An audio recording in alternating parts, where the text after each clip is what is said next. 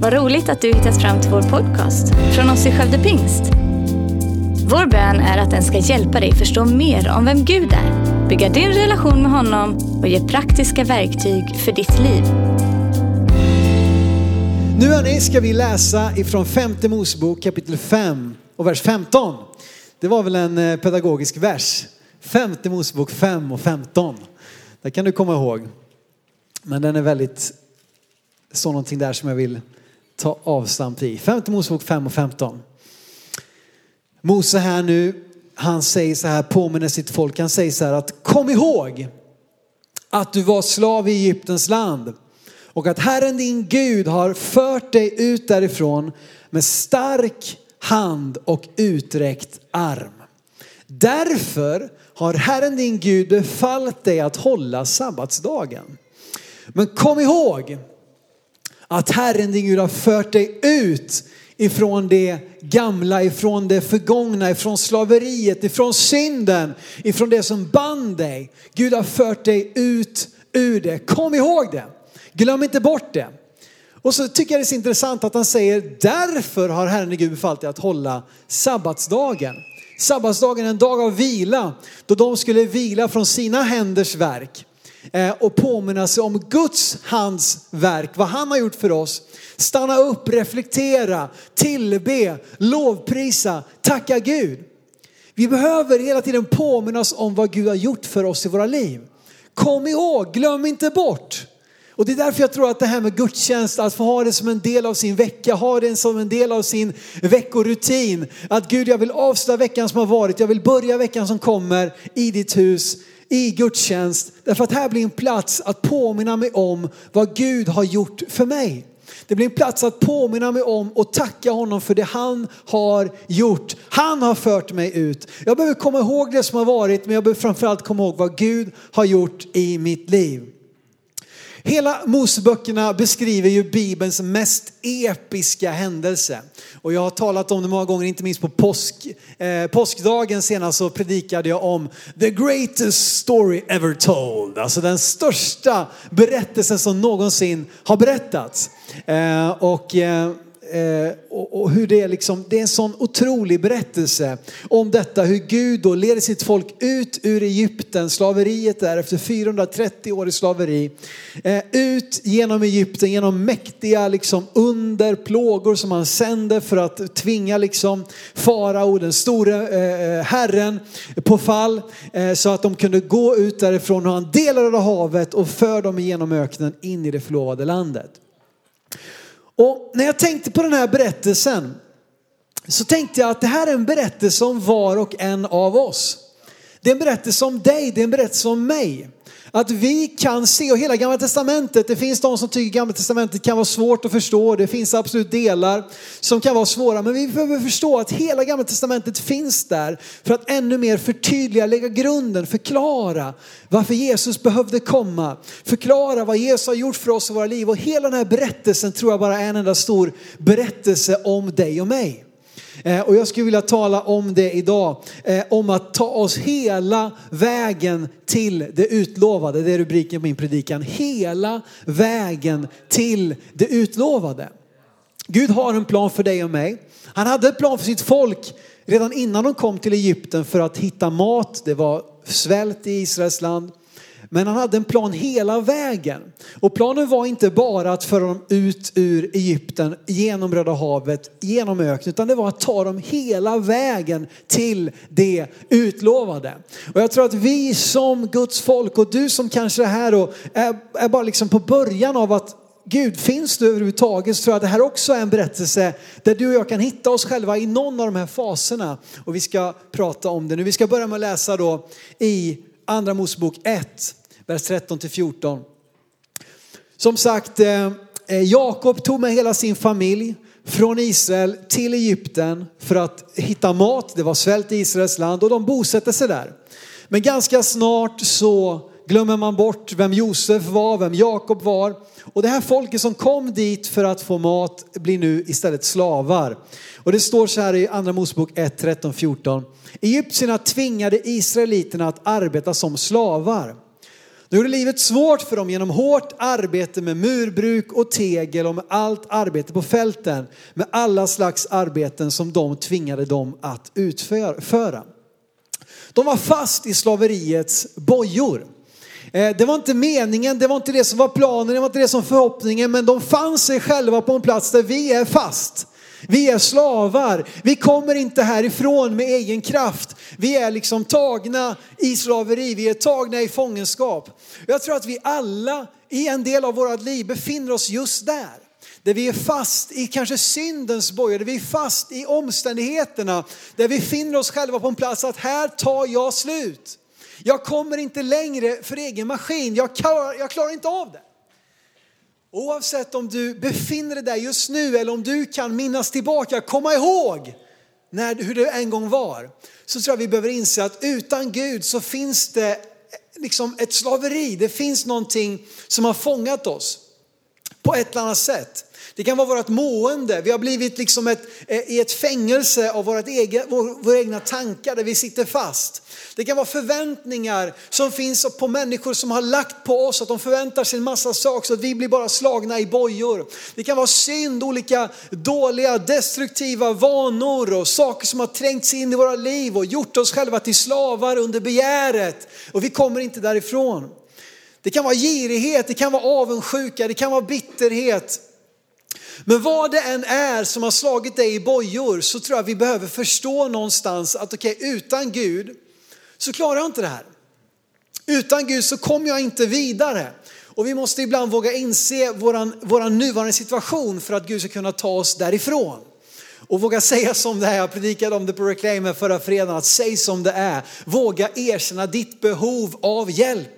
Våga erkänna ditt behov utav en frälsare, utav en befriare och inse att just nu är jag här. Jag är fast i slaveriets bojor. Men Gud, du kan och ropa till Gud. För det som är så fantastiskt och som den här berättelsen visar för oss, det är att Gud skyr inga medel för att sätta dig fri. Du är fast, vi har suttit fast eller har gjort det eller är där just nu. Men vet du vad, Gud han skyr inga medel för att sätta dig fri. Det finns inget pris som är för högt att betala för Gud när han kommer till din räddning. Han visar det i den här berättelsen om eh, hur han för dem ut ur, eh, ut ur slaveriet. Och vi läser om det i andra Mosebok 6, vers 6-8. Vi kommer läsa massa bibelord här nu i Moseböckerna. Eh, och Gud säger till eh, eh, Mose och hans bror Aron att säga till Israels folk så här. Andra Mosebok 6 och vers 6-8. Säg därför till Israels barn, jag är Herren. Jag ska föra er ut från Egyptens tvångsarbete och rädda er från dess slaveri. Och jag ska återlösa er med utsträckt arm och stora straffdomar. Jag ska ta er till mitt folk och vara er Gud. Ni ska inse att jag är Herren er Gud som för er ut från slavarbetet hos egyptierna. Och jag ska föra er till det land som jag med upplyft hand lovade att ge till Abraham, Isak och Jakob. Man ser det här domstolsgrejen att med handen upplyft, så jag lovar, I solemnly swear, jag lovar dyrt och heligt att tala sanningen och inget annat. Gud har lovat med upplyft hand till Abraham, Isak och Jakob, jag ska ge er det landet som arvedel. Jag är Herren. Gud kommer till folket i deras slaveri och säger, jag ska sätta er fria. Jag är Herren, jag är Herren er Gud. Och det som nu utspelar sig är en, liksom den största fritagnings, eh, eh vad ska man säga, kampanjen. Där Gud sänder olika plågor därför att faraos hjärta var hårt. Farao och Egypten vid den här tiden var ett av världens mäktigaste länder. Så de skulle inte bara släppa liksom eh, en miljon av sina arbetare för ingenting. Men Gud, han strider för dem och Guds hjärta är hela tiden med sitt folk. Hela tiden med de som lider. Han gör allt som står i sin makt. Och vi vet ju också att Jesus gör precis det för oss. Han ser att vi är fast i syndens slaveri. Men säger han till oss, okej okay, om ni gör det här, då kanske jag ska överväga att ge, ge mitt liv för er.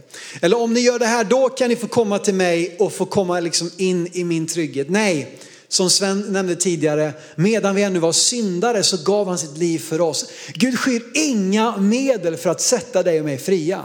Så oavsett hur fast vi sitter, så finns det ingenting som kan hålla Guds kärlek från att tränga sig in i ditt mörker. Från att riva av dina bojor och lyfta dig upp på en rymlig plats och ge dig en ny chans, ge dig en plats där du kan andas ut, där du kan hämta ny, ny styrka. Och Gud gör just det. Ni känner säkert till berättelsen om vad som sker här, men Gud gör ju på ett mäktigt sätt och till slut så farao och egyptierna, de bara, gå härifrån. Vi vill inte ha er längre och de ger dem sina eh, rikedomar och, och israeliterna kan tåga ut ur slaveriet utan att ha lyft egentligen ett finger själva. Visst, Mose och Aron gick några gånger till faraos palats och talade vad Gud hade sagt. Men det var inte genom mänsklig makt. Men Gud satte dem fria. Och de går ut därifrån, de samlar väl ihop sig, de måste bott utspridda över, över ett stort område, men de samlar ihop sig och går som ett folk tågande, så man, man vet inte exakt, men jag kommer säga kanske en miljon människor. Det kan ha varit fler, det kan ha varit lite färre, men det var alltså en stor, stor skara människor. Eh, de tågar ut så kommer de till slut till Röda havet. Och det, det, kan man inte bara tåga över. Det, ni har, en del av er har varit där nere kanske och, och semestrat i, i, vad heter de här eh, ställena i Egypten? De här goa ställena längs med Röda havet. Man kan åka och bada och ha det gött.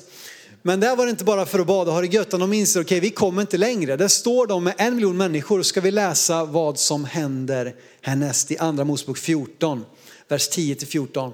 För här kommer de och de kommer inte längre. Det står ett stort hav i vägen. De är en miljon människor, de har får, de har, de har kameler, getter, åsnor, gamla, unga, barn och så vidare. De kommer inte över. Och så står det här hur Israels barn direkt börjar tvivla, direkt börjar tveka. Det står ifrån vers 10 i kapitel 14. När farao närmade sig då, för de gav sig efter dem till slut, de ångrade sig och de ger sig efter dem. När farao närmade sig lyfte Israels barn blicken och fick se egyptierna som kom tågande efter dem. Israels barn blev mycket förskräckta och ropade till Herren och de sa till Mose, fanns det inga gravar i Egypten? Eftersom du har fört oss hit för att dö i öknen, vad har du gjort mot oss? Varför förde du oss ut ur Egypten? Var det inte det vi sa till Egypten? Vi sa, låt oss vara så att vi får tjäna egyptierna. Det hade varit bättre för oss att tjäna egyptierna än att dö här i öknen. Moses svarade folket, var inte rädda, stanna upp. Bevittna den frälsning som Herren idag ska ge er. Så som ni ser egyptierna idag ska ni aldrig någonsin se dem igen. Herren ska strida för er och ni ska hålla er stilla. Herren ska strida för er och ni ska hålla er stilla vet, vi får inte glömma bort var vi kommer ifrån. Eh, du vet att de har, de har bara lämnat, så fort de har lämnat slaveriets vardag bakom sig, så har de glömt var de faktiskt kom ifrån. De börjar inbilla sig att nej men det var ju kanon i Egypten, varför kunde vi inte stanna där, där vi hade det så bra? Varför har du Mose tvingat oss ut här? Men, men faktum är att vad Gud har gjort är att han har svarat på sitt folks böner som de har bett i hundratals år.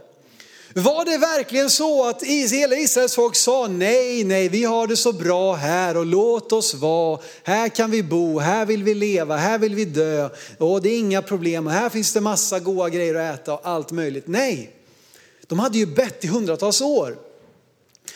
Men de, de, glömde bort det, de glömmer vad Gud har gjort för dem redan innan de ens har kommit liksom ut ur landet. Och jag har sett det så många gånger att vi möter Gud till frälsning. Vi befinner oss i syndens slaveri. Gud sätter oss fria. Och så fort vi har blivit fria och inte längre bundna i den synden vi satt fast i så glömmer vi bort hur det var utan Gud. Vi börjar ta Guds närvaro och det han har gjort för oss för givet och vi säger nej, nej, nej, vad är det här? Jag, jag, jag, jag gör hellre det här, jag struntar i det som Gud har gjort i mitt liv och återvänder till min vardag, återvänder till det som en gång var. Eh, och, och dessvärre så kan vi se detta ibland i våra liv.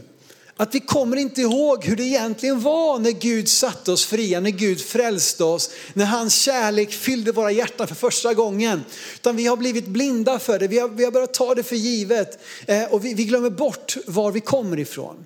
För hur var det egentligen?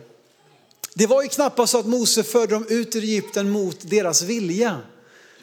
Som sagt, det var Guds svar på deras böner. Vi kan läsa bara ifrån andra Mosebok 2, 23-25. Här nu sa precis då, vi, läser från början när de blev slavar, det står det gick en lång tid. Under den tiden dog Egyptens kung, men Israels barn suckade över sitt slaveri och ropade på hjälp. Och deras rop över slaveriet steg upp till Gud. Gud hörde deras klagan och kom ihåg sitt förbund med Abraham, Isak och Jakob. Och Gud såg till Israels barn och Gud kändes vid dem som sina. Så när nu, de nu börjar liksom måla om, de börjar skriva om berättelsen och säga vadå, vi har väl aldrig sagt att vi skulle vilja komma ut ur det här. Så är det precis tvärtom och jag tror ibland vi behöver bara påminna oss om vad Gud faktiskt satt oss fria ifrån. Så att vi inte återvänder till det livet som, som Gud köpte oss fria ifrån. Inte återvänder till de vanor som vi ju vet inte var bra för oss. Utan kom ihåg var du kom ifrån, kom ihåg vad Gud har gjort för dig. Och lämna ditt gamla liv bakom dig. Det är det som står här nu. Röda havet, det är point of no return. Ska vi gå längre eller ska vi vända tillbaka? Här nu finns det fortfarande möjlighet att gå tillbaka. De har kommit fram till stranden där. Ska vi nu lita på att den Gud som gjorde så mäktiga saker för att föra oss ut ur slaveriet, att han också är mäktig att föra oss ut ur den här knipan, leda oss igenom Röda havet, eller ska vi vända tillbaka? Här tror jag vi ofta kommer fram till vår kontext, det som ofta dopet handlar om. Det dopet i vatten, där vi bekänner oss själva. Jesus, nu lämnar jag allt det gamla bakom mig. Jag vill inte vända tillbaka till det du har köpt mig fri ifrån. Jag vill gå in i din, det nya livet du har köpt för mig. Och då finns det också så att när vi väl har gått igenom det havet så finns det kanske inte längre en väg tillbaka. Och jag tror det är så viktigt i våra kristna liv att vi låter det här beslutet som vi fattar i våra hjärtan, vi låter den där uppsträckta handen till Gud, hjälp mig, förlåt mig, fräls mig. Att vi låter det också resultera i att Gud, jag vill följa dig, jag vill gå dopets väg, jag vill lämna mitt gamla liv bakom mig, jag vill inte leva hela mitt liv med en bakdörr in i det du har köpt mig fri ifrån. Jag vill följa dig in i det nya du har för mig. Och så var det för Israeliterna, andra Mosebok 14, 29-31. Men Israels barn gick rakt genom havet på torr mark och vattnet stod som en mur till höger och till vänster om dem. Så frälste Herren den dagen Israel från egyptiernas hand. Och Israel såg egyptierna ligga döda på havets strand. När Israels barn såg den stora makt som Herren hade visat mot egyptierna fruktade folket Herren. De trodde på Herren och på hans tjänare Mose. Ett nytt, en ny start. Där inte längre det gamla kan komma och liksom hoppa på dig. Jag tror det är så viktigt för oss att ta det här steget att bli döpta. Jag vill säga det till dig som kanske ännu inte har gått den vägen, att låt det inte, lev inte hela ditt liv med Gud med en ständig väg tillbaka. Så låt dig döpas och begrav det gamla och gå in i det nya som Gud har tänkt för dig. När de kommer igenom Röda havet så kommer de till det jag skulle vilja tala om som tvivlets och prövningens öken. De kommer igenom Röda havet, helt plötsligt så befinner de sig i, i Sina i öken. Och, och vad, vad, ska vi göra nu? Vart ska vi ta vägen? Och återigen så sätts deras tro på prov. Och vad ska vi då göra när livet händer? När det kommer saker som vi inte kan rå för, när det kommer omständigheter i vår väg, när vi utsätts för svåra situationer. Ska vi då tro på att Gud som både har fört oss ut ur slaveriet igenom Röda havet, att han också är med oss här i öknen? Eller ska jag tvivla på hans förmåga att hjälpa mig och börja anklaga honom? Och vi ser tyvärr att det var det sista som stora delar av folket gjorde. Direkt, det har inte ens gått ett kapitel ifrån eh, kapitel 15 vers 22. Därefter lät Mose Israels barn bryta upp Röda havet och de drog ut i öknen Shur, Shur, Shur. Under tre dagar vandrade de i öknen utan att finna vatten. Sedan kom de till Mara. Men de kunde inte dricka vattnet där eftersom det var bittre, bittert. Därför kallade de platsen Mara. Då klagade folket mot Mose och sa, vad ska vi dricka?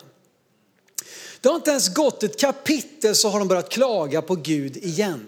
Trots att han har gjort allt det som vi har pratat om hittills. Trots att han bara dagar innan har delat gripande Röda havet framför dem så började de direkt att klaga. Inte att de började ropa till Gud, Gud hjälp oss, vi behöver din hjälp. Det är inte så att de ska blunda för, nej det är kanonbra det här vattnet, det är bara att dricka, vet du. Då, då kommer det, det kommer gå fint det här. Nej, det är inte så att vi ska ha liksom någon slags verklighetsflykt. Att vi ska vara kristna och blund, liksom skygglappar genom livet och vi kan inte, vi kan inte liksom erkänna att någonting är dåligt eller svårt. Men när vi möter det svåra, när vi inte har vatten att dricka, vad gör vi då? Klagar vi på Gud eller ropar vi till honom? Det är en väldig skillnad. Och tyvärr så var det så att så många gånger så valde stora delar av folket att klaga, att tvivla, att, att liksom anklaga både Gud och Mose gång på gång på gång på gång. Och livet är ju sådär att vi möter de här sakerna, oförutsedda hinder, händelser, situationer som vi inte kan kontrollera och som sätter vår tro på prov. Eh, det är för att bara för att vi har lämnat det gamla livet bakom oss innebär det inte att vi aldrig mer kommer möta en prövning. Men hur möter vi den prövningen? Här ställs vi alltid inför ett val. Tro på Guds förmåga och lita på honom eller tvivla, klaga och se det bara med mänskliga ögon. Men Gud vill ge dig sin syn. Inte att förneka, men att se på det omöjliga och se Gud, du som har varit med mig. Gud, du som förde mig genom Röda havet. Gud, du som har köpt mig fri från slaveriets bojor. Nu står jag inför det här svåra, tuffa, utmanande. Gud, var med mig nu också. Gud, jag litar på dig, jag ropar på dig, jag kallar på dig, jag faller ner på knä inför dig. Hjälp mig. Tio gånger prövar folket Gud innan de slutgiltigt lyssnar till de tio spejare som säger att vi kommer aldrig kunna erövra det här landet som Gud har sänt oss till. Det är ett fantastiskt land, men det är fullt av jättar, det är fullt av prövningar, det är fullt av befästa städer. Så visst, det är ett jättehärligt ställe, men glöm det att vi kommer kunna gå in där. Och folket som har gång på gång, tio gånger nu under den här ökenvandringen, valt att tvivla på Guds förmåga, gör det igen. Och de går miste om det utlovade. De dör där ute i öknen utan att få tag om och kliva in i det som Gud hade köpt för dem. Vi läser fjärde Mosebok kapitel 14, vers 22 och 23. Och nu har Gud blivit lite trött här på dem faktiskt. Han säger att av alla de män som har sett min härlighet och sett de tecken jag gjort i Egypten och i öknen och som nu tio gånger har frestat mig och inte lyssnat till min röst. Av dem ska ingen få se det land som jag med ed har lovat deras fäder. Ingen av dem som har föraktat mig ska få se det. Det finns en konsekvens av ett ständigt tvivel och en ständigt klagande på Gud. Eh, där vi inte litar på Gud och det är att vi går miste om hans löften. Och det är upp till dig och mig. Vill vi leva liv där hans löften får komma att infrias genom våra liv? Vi vet kanske inte exakt hur, vi vet kanske inte exakt när, men vi vet att det kommer ske. För Gud har lovat att vara med mig. Gud har lovat att inte svika mig, att inte överge mig. Han har sagt att om jag än vandrar i dödsskuggans dag så fruktar jag inget ont. Därför att han kommer att göra en måltid för mig, mina, mina fienders åsyn. Han kommer, att, han kommer att försörja mig. Han kommer ta hand om mig, han kommer hjälpa mig. Han är min frid. Även mitt i stormen så är han min frid som fyller hela min varelse. Du vet när vi möter livets prövningar, motgångar med Guds löften, då kan vi gå igenom det och få se det äga rum. Det fanns tack, tack och lov två stycken av de tolv spejarna som sa någonting annat. Och jag skulle bara vilja innan vi går vidare här fråga er, kan någon här inne nämna en enda av de tio spejarna som tvivlade vid namn? Är det någon som vet någon, något av deras namn? De står uppräknade vad de heter, allihopa. Är det någon som kan ett enda av de tio namnen? Nej, det är ingen. Hej. Bra jobb vi gör som pastor här Sven. Det är ingen som kan någonting. Nej, jag ska, det ska jag ta nästa söndag. De tio spejarna som ingen kan namnet på. Men de två spejarna som hade en annan berättelse, som hade ett annat budskap till folket när de kom tillbaka efter att ha spejat landet. Kan någon säga namnet på de två? Josua och Kaleb. Exakt. De kunde, många av er, jag tror att ni får tänka till, tror jag kanske de flesta av er hade kommit på Josua och Kaleb. Det är för att vi kommer ihåg deras berättelse för att de hade en annat budskap. Det står i fjärde Mosebok 13.31 att Kaleb, men Kaleb han lugnade folket inför Mose och sa, låt oss genast dra dit upp och inta landet. Sannerligen, vi kan göra det. Alltså, Kaleb, come on. Han, det, det, är intressant också att det är Kaleb som tar till orda. Josua är den som efterträdde Moses som högste led, eller första led, främste ledare. Eh, men det är Kaleb här som tar till orda. Han försöker, nej hallå, låt oss lita på Gud, låt oss förtrösta på honom. Vi kan göra det. Visst, det är, det är mycket fiender på plats. Visst, det är stora befästa städer, men Gud är på vår sida. Trons seger kan vi få vinna även i tvivlets och prövningens öken. Där kan vi få vinna trons seger. Om vi har den, samma attityd, samma förtröstan på Gud som Kaleb och Josua hade. Och eh, de sticker ut från mängden, de faller inte för grupptrycket. Och det är inte lätt att ställa sig upp. Bara här inne, vi är, vi är inte i närheten av hur många Israels folk var. Tänk dig att alla här inne skulle säga nej det går inte, nej nu slutar vi, Öh, lägg ner, det kommer aldrig att gå. Och så ska du och kanske en till kompis sitter bredvid dig, ställer upp, hallå, lyssna, det går visst. Hur många av oss hade vågat göra det? Jag vet inte. Visst, jag har micken här, det hjälper till lite grann, men, men jag vet inte om jag hade vågat det. Men det var det de gjorde. Och de vann trons seger. De satte sitt hopp till Gud. Att det han har lovat är han också mäktig att hålla. Det spelar ingen roll hur stora, välväxta, vältränade fienderna är. När Gud är på vår sida, vem kan då vara emot oss? De talade Guds språk, de talade tro. Hebreerbrevet 11, visst läste vi, det, du läste det nu på, på teamsamlingen innan gudstjänsten. Att den som kommer till Gud måste tro att han är till och belöna de som söker honom. Utan tro är det omöjligt att behaga Gud. Så Gud, han tycks bara tala trons språk som inte är ett, ett förnekelsespråk. Jag vill säga det igen. Tro är inte att förneka sakernas tillstånd, men det är att säga oavsett så är Gud större. Oavsett så har Gud all makt. Oavsett så väljer jag att lita på Gud. Han kommer hjälpa mig. Och fjärde Mosebok 14.24 säger om, om, om Guds tjänare Kaleb, men i min tjänare Kaleb är en annan ande. Och han har i allt följt mig. Därför ska jag föra honom in i det land där han nu har varit och hans avkomlingar ska ta det i besittning. De skulle få gå hela vägen in i löfteslandet. Jag vill säga någonting bara kort här om just vägen in i löfteslandet då. För de går alltså runt där i 40 år tack vare de här tio spejarna och folkets kontinuerliga tvivlande och klagande och gnällande gjorde att de inte skulle få se löftet infrias. Men de går där ute och naturlig väg så dör de ut den här generationen. Och Kaleb och Josua som är de enda kvar ifrån den tidigare generationen som var med vid uttåget ur Egypten, de ska leda en ny generation, ett nytt folk in i löfteslandet.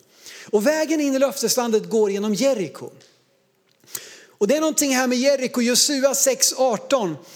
Där står det så här, Gud säger till sitt folk, här nu kommer de ju, de har gått i öknen, de har käkat manna och vaktlar tills det står dem upp i halsen. I 40 år har de ätit samma eh, liksom basföda och de har gått i samma kläder. De hade kläder men de hade liksom inte kanske tre par kläder. De hade sandaler som inte gick sönder av ett under men de hade liksom inte fått skaffa kanske nya sandaler, vad vet jag.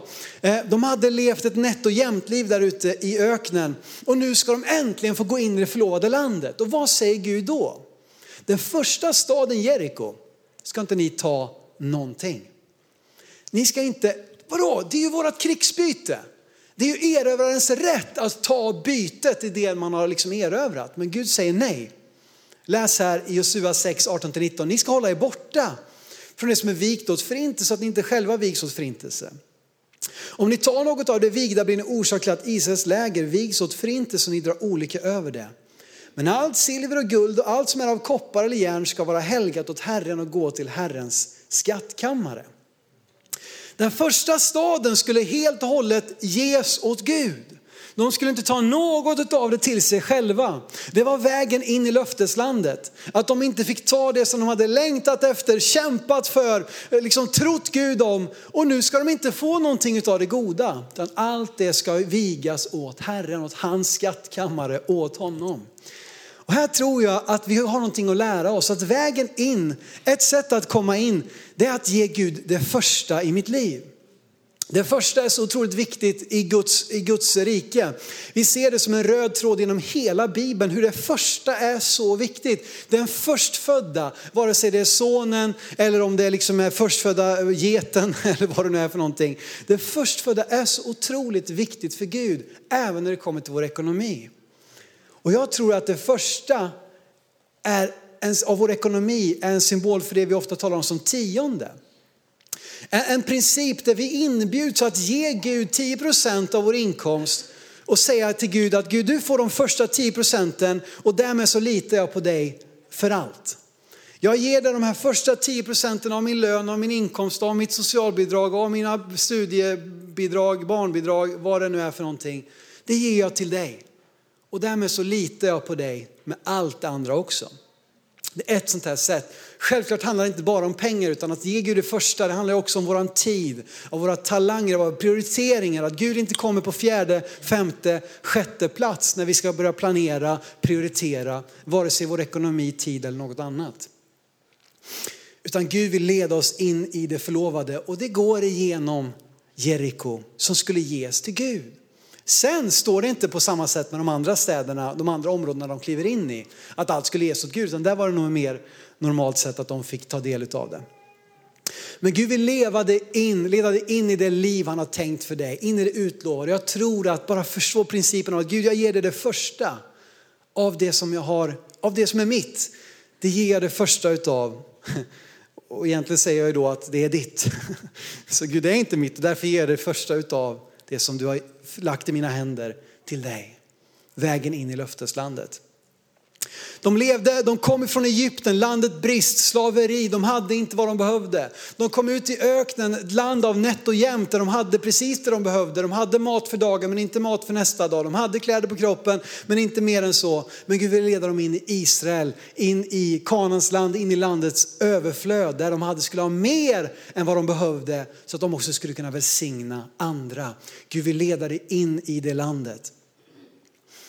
Och om vi väljer hela tiden att avstå att ge Gud det första i våra liv, han kommer alltid på sista hand, han kommer alltid långt ner på prioriteringslistan, då kan vi leva hela våra liv också ute där i öknens nätt och jämtland. Eh, men Gud tror jag vill eh, utmana oss i att sätta mig först och se vad jag kommer ge er i, i, liksom tillbaka. Det är en bra deal att få del av det som Gud ger. Väl där i landet då, de kom ju in i landet, de intog landet och där kommer uthållighetens kamp att fortsätta, att inte ge upp. Josua lever hela sitt liv där för att erövra och inta det som Gud har lovat. Och när han är på, i hög ålder och inser att nu är snart mina dagar slut, då samlar han folket och håller ett tal till dem. Och så säger han det berömda, de bevingade orden i Josua 24.15. Han talar till folket och uppmanar dem, kom ihåg, kom ihåg vad Gud har gjort. Överge inte Gud, fortsätt hålla fast vid honom. Men så säger han så här i Jesua 24.15, men om ni inte vill tjäna Herren, så välj idag vem ni vill tjäna. Antingen det är gudar som era fäder tjänar på andra sidan floden, eller de gudar som dyrkas av amorena i vilkas land ni bor. Men jag och mitt hus, vi vill tjäna Herren. Håll ut. Jag och mitt hus, vi vill tjäna Herren. Jag är en sån person som alltid vill framåt. Nästa sak. Uppåt. Högre, större, mer, bättre, snabbare. Det ligger i min person och jag, jag tror att Gud har gett det till mig. Jag vill kanalisera det på ett bra sätt och omge mig med människor som också kompletterar och kan bromsa och liksom ge stabilitet och allting. Men jag har insett också att mycket av att faktiskt tjäna Gud handlar om att stå kvar. Handlar om att hålla ut. Handlar om att inte ge upp. Utan år efter år, årtionde efter årtionde, gång på gång, Gud, jag står fast. Jag och mitt hus, vi vill tjäna Herren. Jag och mitt hus, vi vill tjäna Herren. Bygga, tjäna, be, tro. Utan att bli bitter bitter, besviken, för bra för alla sammanhang så att jag bara ställer mig vid sidan och iakttar eller i värsta fall kritiserar. Nej Gud, jag vill stå fast. Jag vill hålla ut. Led mig in i den tid som nu är.